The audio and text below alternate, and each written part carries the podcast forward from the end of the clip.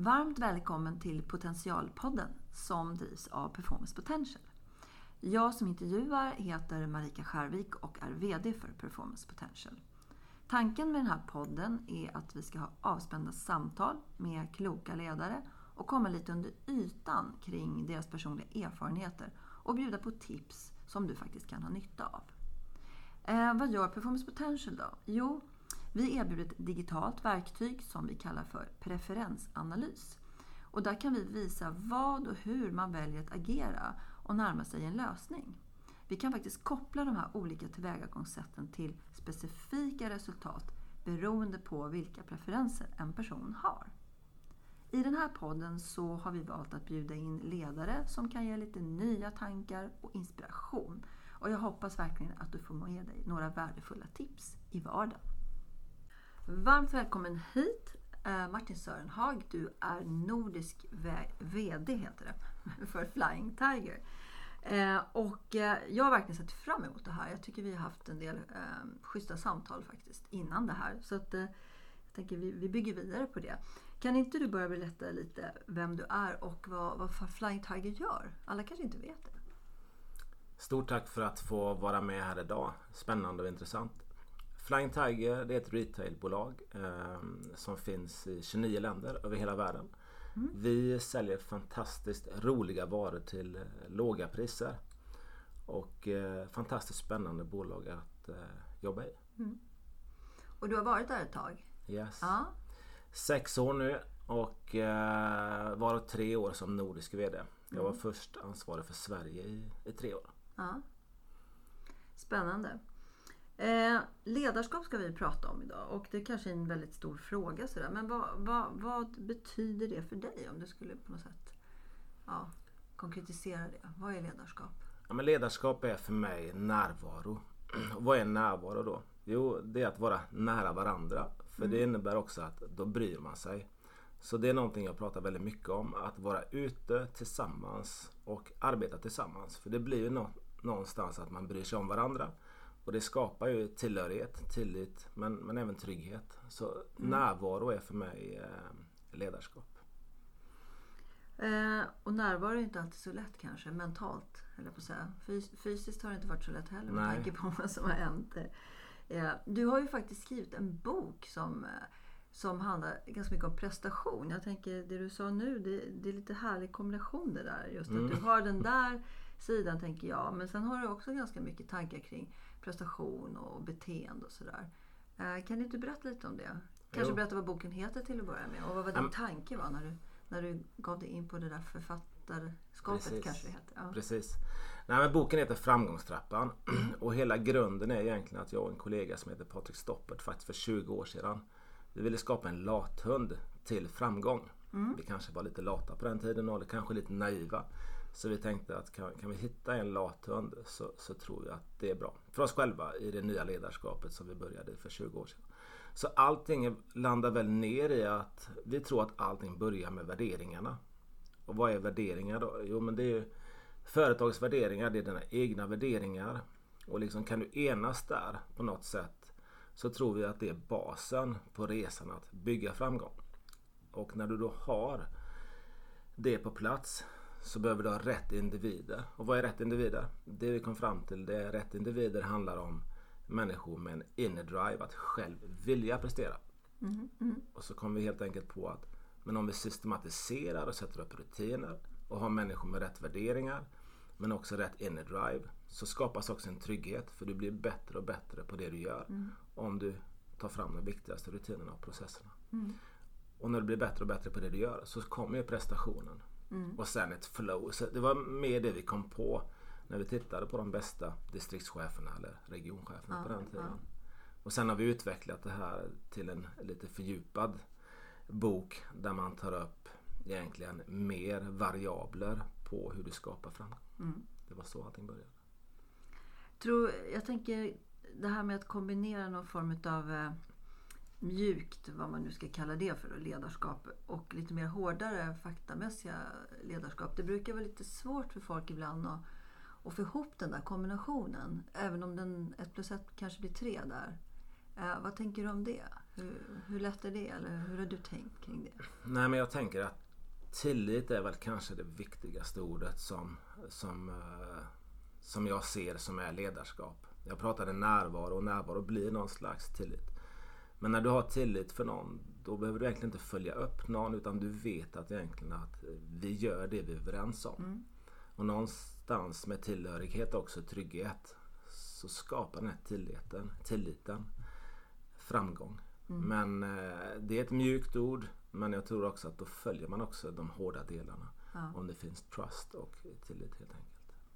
Och då, vad du säger egentligen det är att om varje person är medveten om vad de gör och att de liksom kan driva det som, som är tänkt. Eh, så behöver man inte som ledare kanske fundera så mycket över de här mer showstopper-frågorna som brukar dyka upp. Det, blir ju, alltså det är där någonstans man hamnar. Ja, men det blir ju mer Fel. möjlighetsorienterad. Ja, ja, eh, Och liksom, man kan ställa sig frågan hur bra kan vi bli? Och har man då satt en tydlig affärsplan Mm. ut efter strategin så, så jobbar man vidare med den på ett tillitsbaserat sätt. Mm. Det är väl mer så mina Ja. tankar går. Tror, tror, du, tror, du att, eh, tror du att just tillit är liksom svårt? Många ledare blir ju anklagade för att vara kontrollfreaks och så. Tror du att det är, liksom, är det svårt?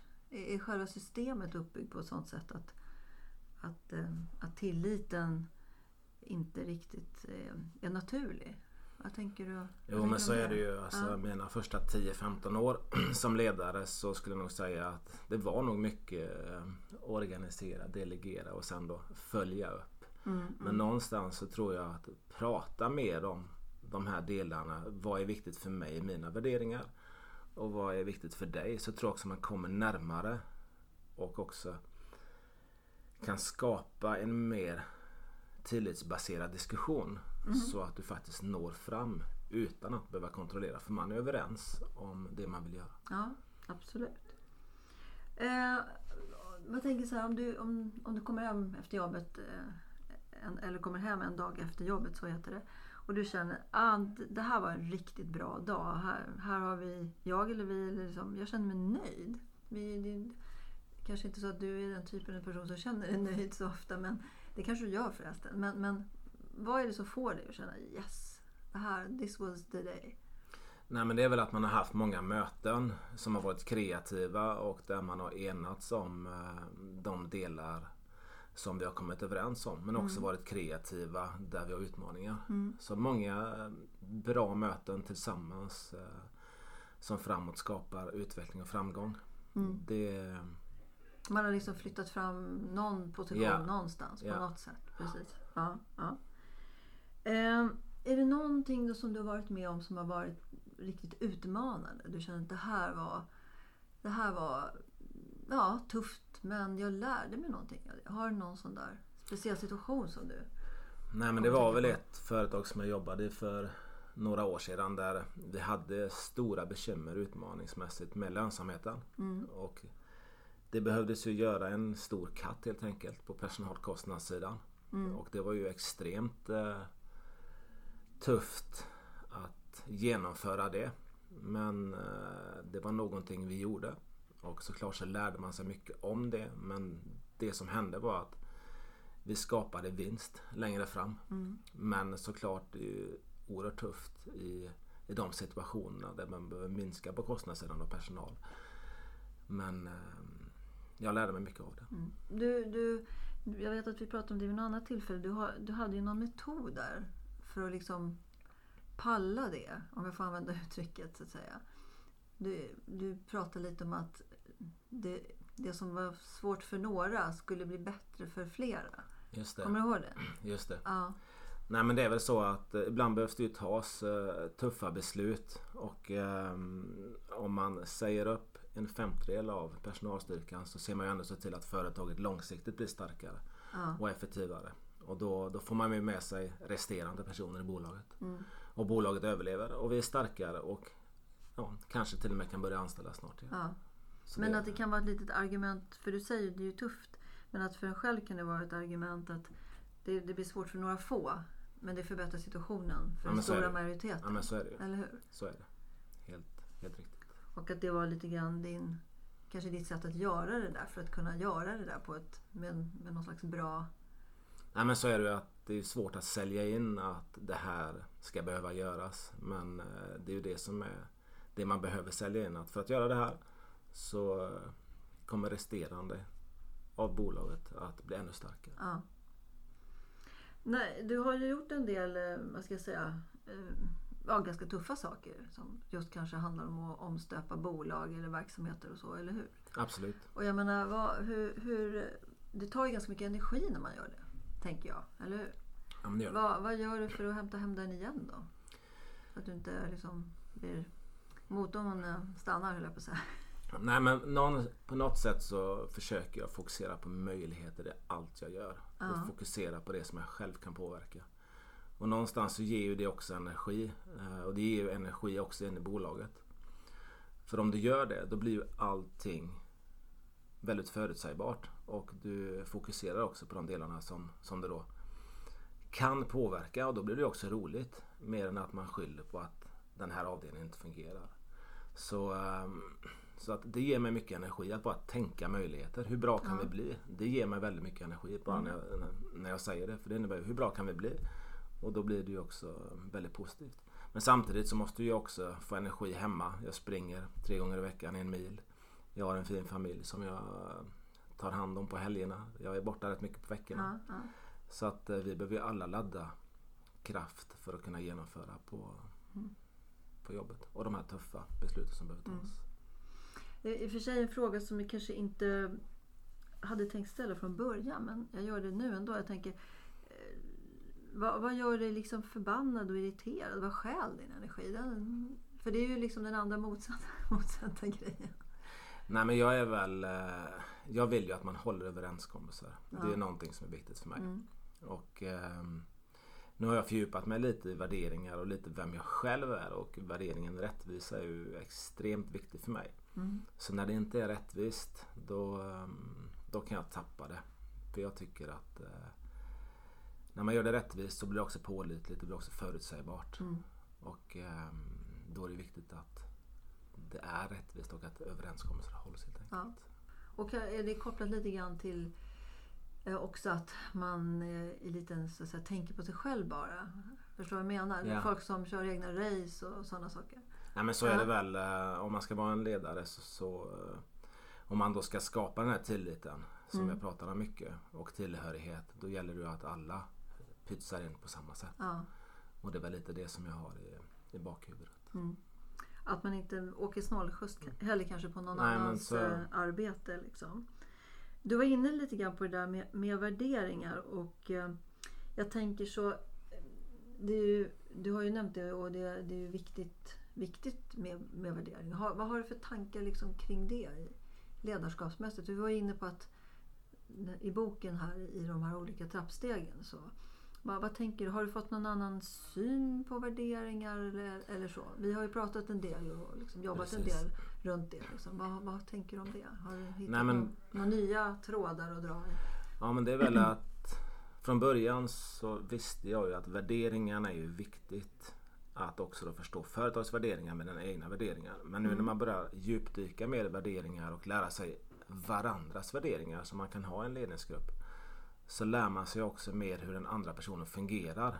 Och hur jag kan stötta den personens ja, tillkortakommanden om man säger. Och hur de kan stötta mig där jag kanske inte är stark. Så att jag är väl nere på ett djupare plan nu med att jag känner till mig själv. Jag är mer medveten om mig själv och mina värderingar, vad jag är stark och vad jag inte är stark. Och det innebär ju också att då blir jag tryggare i mitt ledarskap. Ja.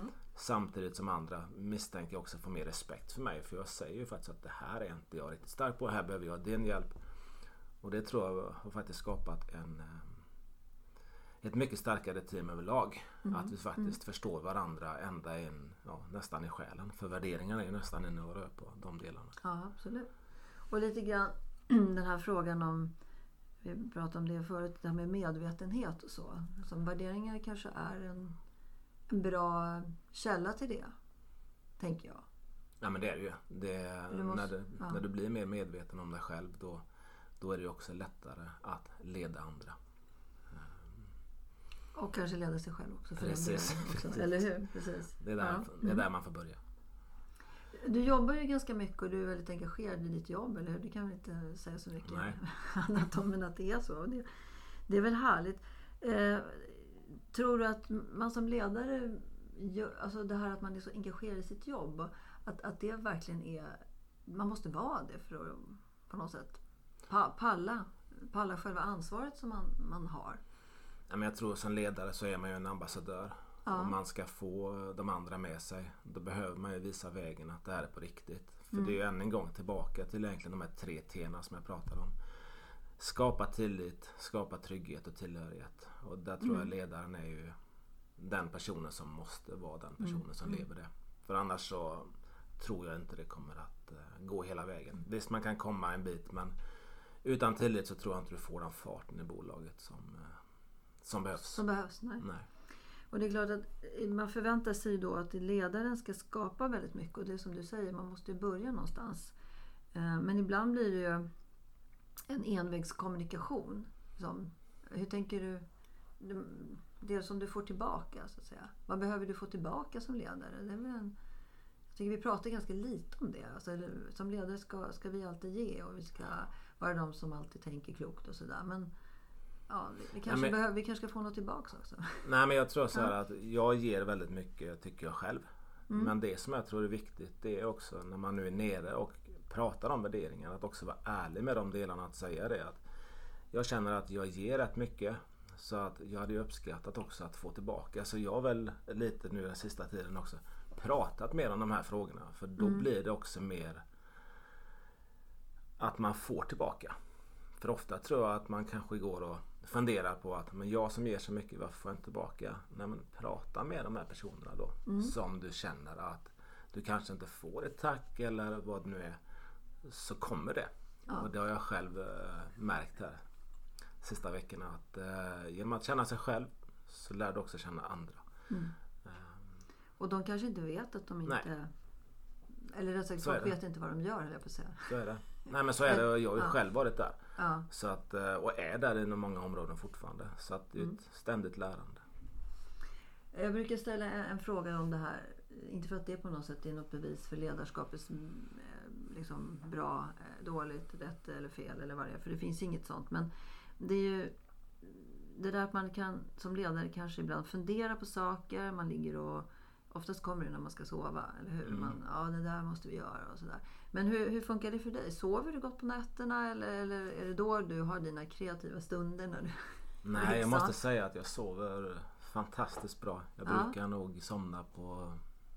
Det känns som jag somnar innan jag når kudden med Ja. eh, huvudet. Och eh, jag känner så här att om du är så ärlig som möjligt hela tiden och faktabaserad i dina beslut även om de är tuffa och du kan Mm. se dig i spegeln när du går och lägger dig. Då känner jag att då kan jag sova bra. Ja, det låter ju som en eh, alldeles fantastiskt recept tänker jag för de som kanske inte... Nu får alla Nej. dåligt samvete som inte kan sova men det, man kanske finns något att jobba med tänker jag. Absolut. Ja. Eh, Men jag tror att genom att vara totalt transparent Mm. och totalt ärlig så är det svårt att göra mer. Ja, eller hur? Och, och vad, som, vad tror du som gör att vi inte är det då? Var, varför, varför är, för, för det är ju faktiskt så att det är inte så väldigt många människor som är helt transparenta eller helt så att säga fria från, Nej. eh, vad ska jag kalla det för, gegga. Jag vet inte vad jag ska använda för uttryck. Absolut. Nej men, vad, jag beror, vad beror det på? Har du funderat på det någonting? nej men jag är definitivt inte perfekt på något sätt. Men jag har väl en uppväxt där det är att vara, du ska vara rak, du ska vara ärlig och så ska Mm. du säga som det är. Ja. Det är egentligen så enkelt. Svårare än så är det inte. Nej. eller? Nej.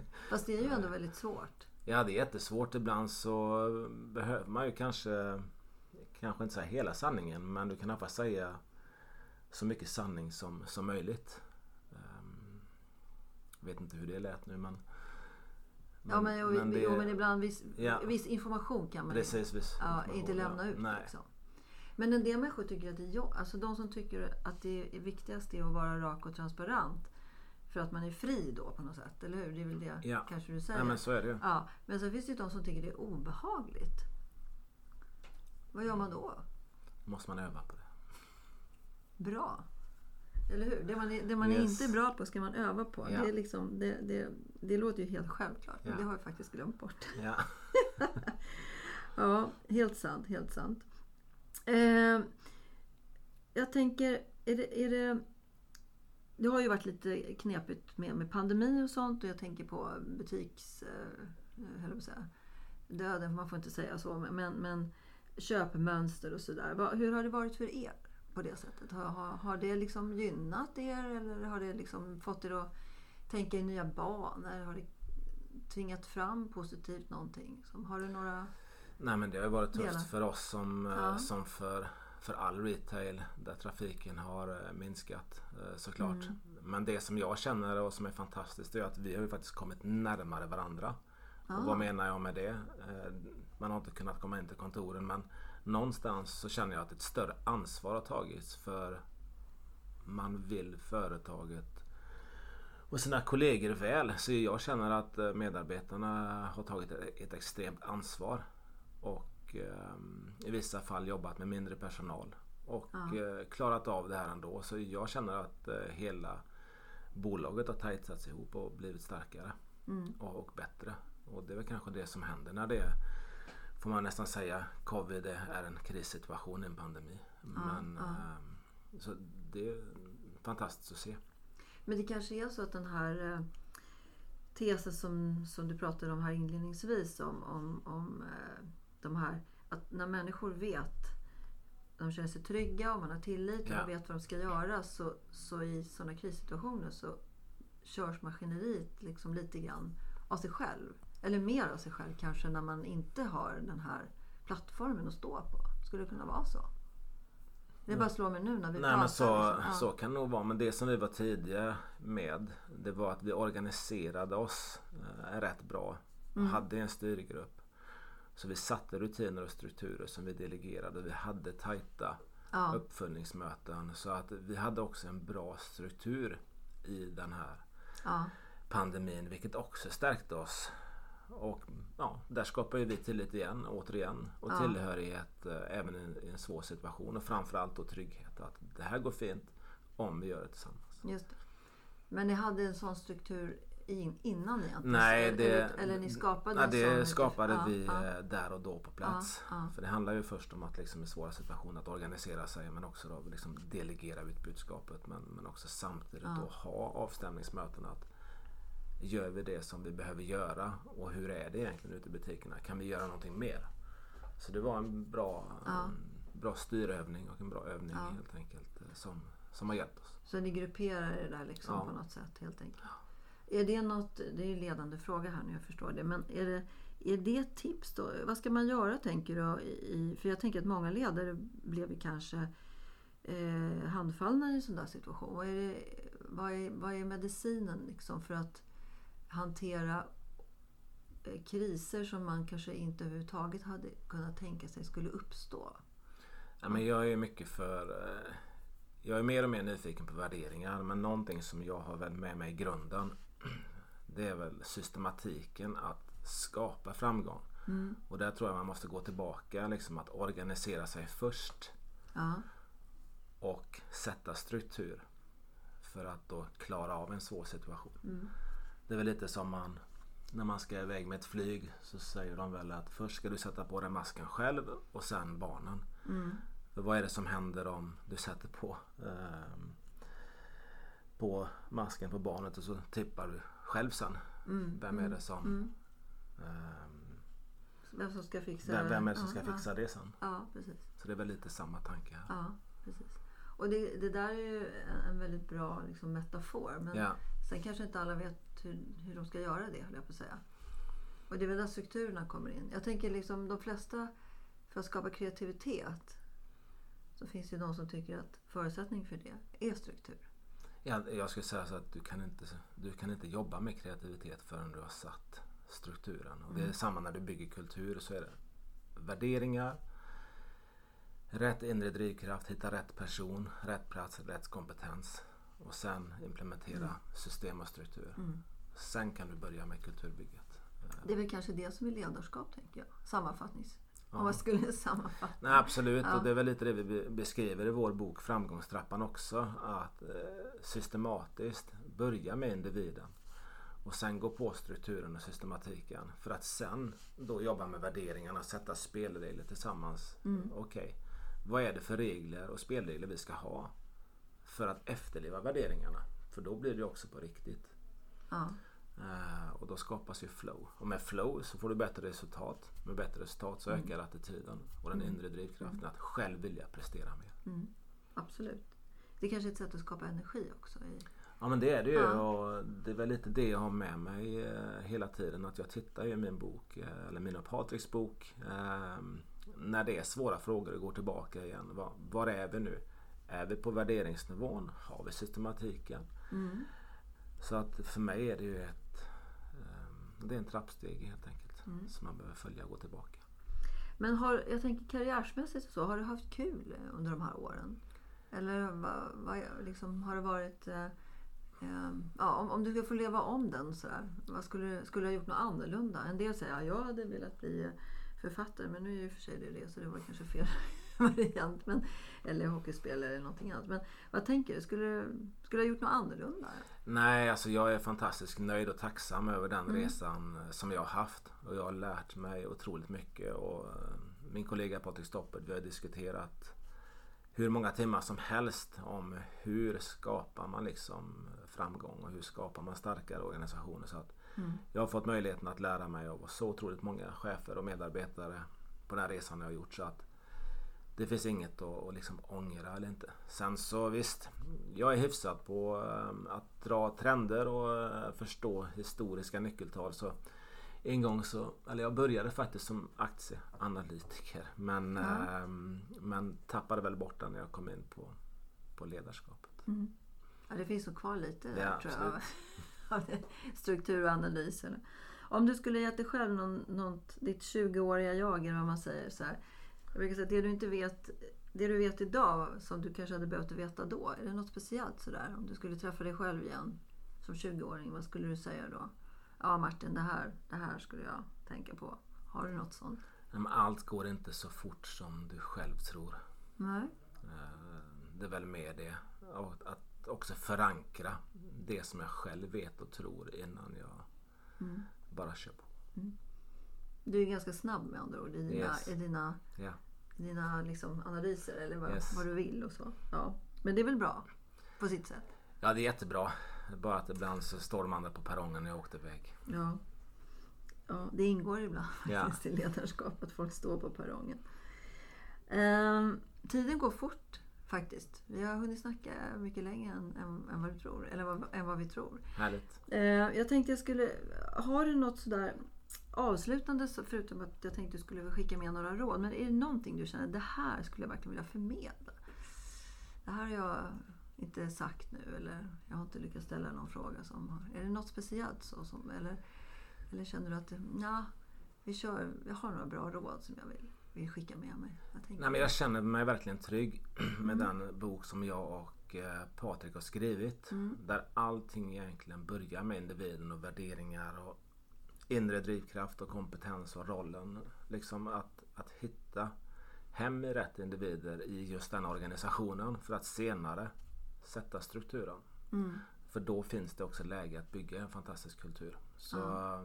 så nej, jag, jag tror på det vi har skrivit så att ehm, Och du skulle- lever efter den processen kan man väl Ja det säga? gör jag, Ja. det ska jag säga 100% för jag, Ja. kan, jag kan nog ingen annan väg. Nej. Men ett råd kanske skulle kunna vara, jag tänker högt nu, det är inte jag som, men jag tänker om det är Mm. okej. Ett råd är väl kanske att skaffa sig någon form av process till att börja med. Just det. Eller hur? Att ha någon tanke kring hur man ska systematisera saker och ting. Nej, men ha en spelidé om hur ska vi spela Ja. i vårt bolag Mm. och få alla med på den resan. Det är ju som Jan Andersson, våran förbundskapten. Jag är ju helt övertygad om att han har ett spelsystem som skapar trygghet Ja. och tillit i, ehm, i laget för att skapa framgång. Mm. Och det är kanske det som också är det svåra i ledarskapet och som man då behöver öva på som du var inne på som jag tycker var en absolut, igen då, självklar men absolut. Det är oftast det självklara som är det genialiska. Ja. Eller hur? Ja, men så är det. Ja. Bra, många bra grejer. Jag tror att det här Grymt. är viktigt och eh, intressant och också en, en påminnelse faktiskt om sånt som många kanske säger, ja det vet jag, men de gör det ju aldrig. Nej. Det är väl skillnaden.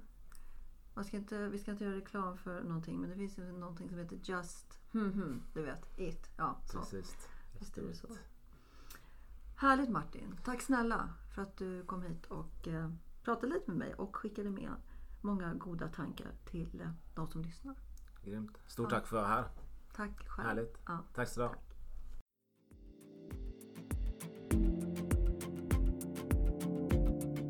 I idrottsvärlden känner varje individ till sin process för prestation och leverans ganska väl.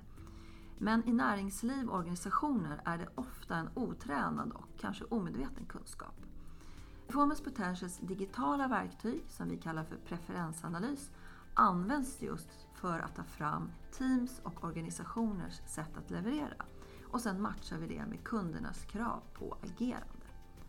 Genom den här metoden får både individer och organisationer en möjlighet att nå sina mål och få bästa utfall av sina planer. Därför att man på förhand faktiskt kan förutse hur människor kommer att agera. Så hör gärna av dig så kan vi berätta mer om hur det går till.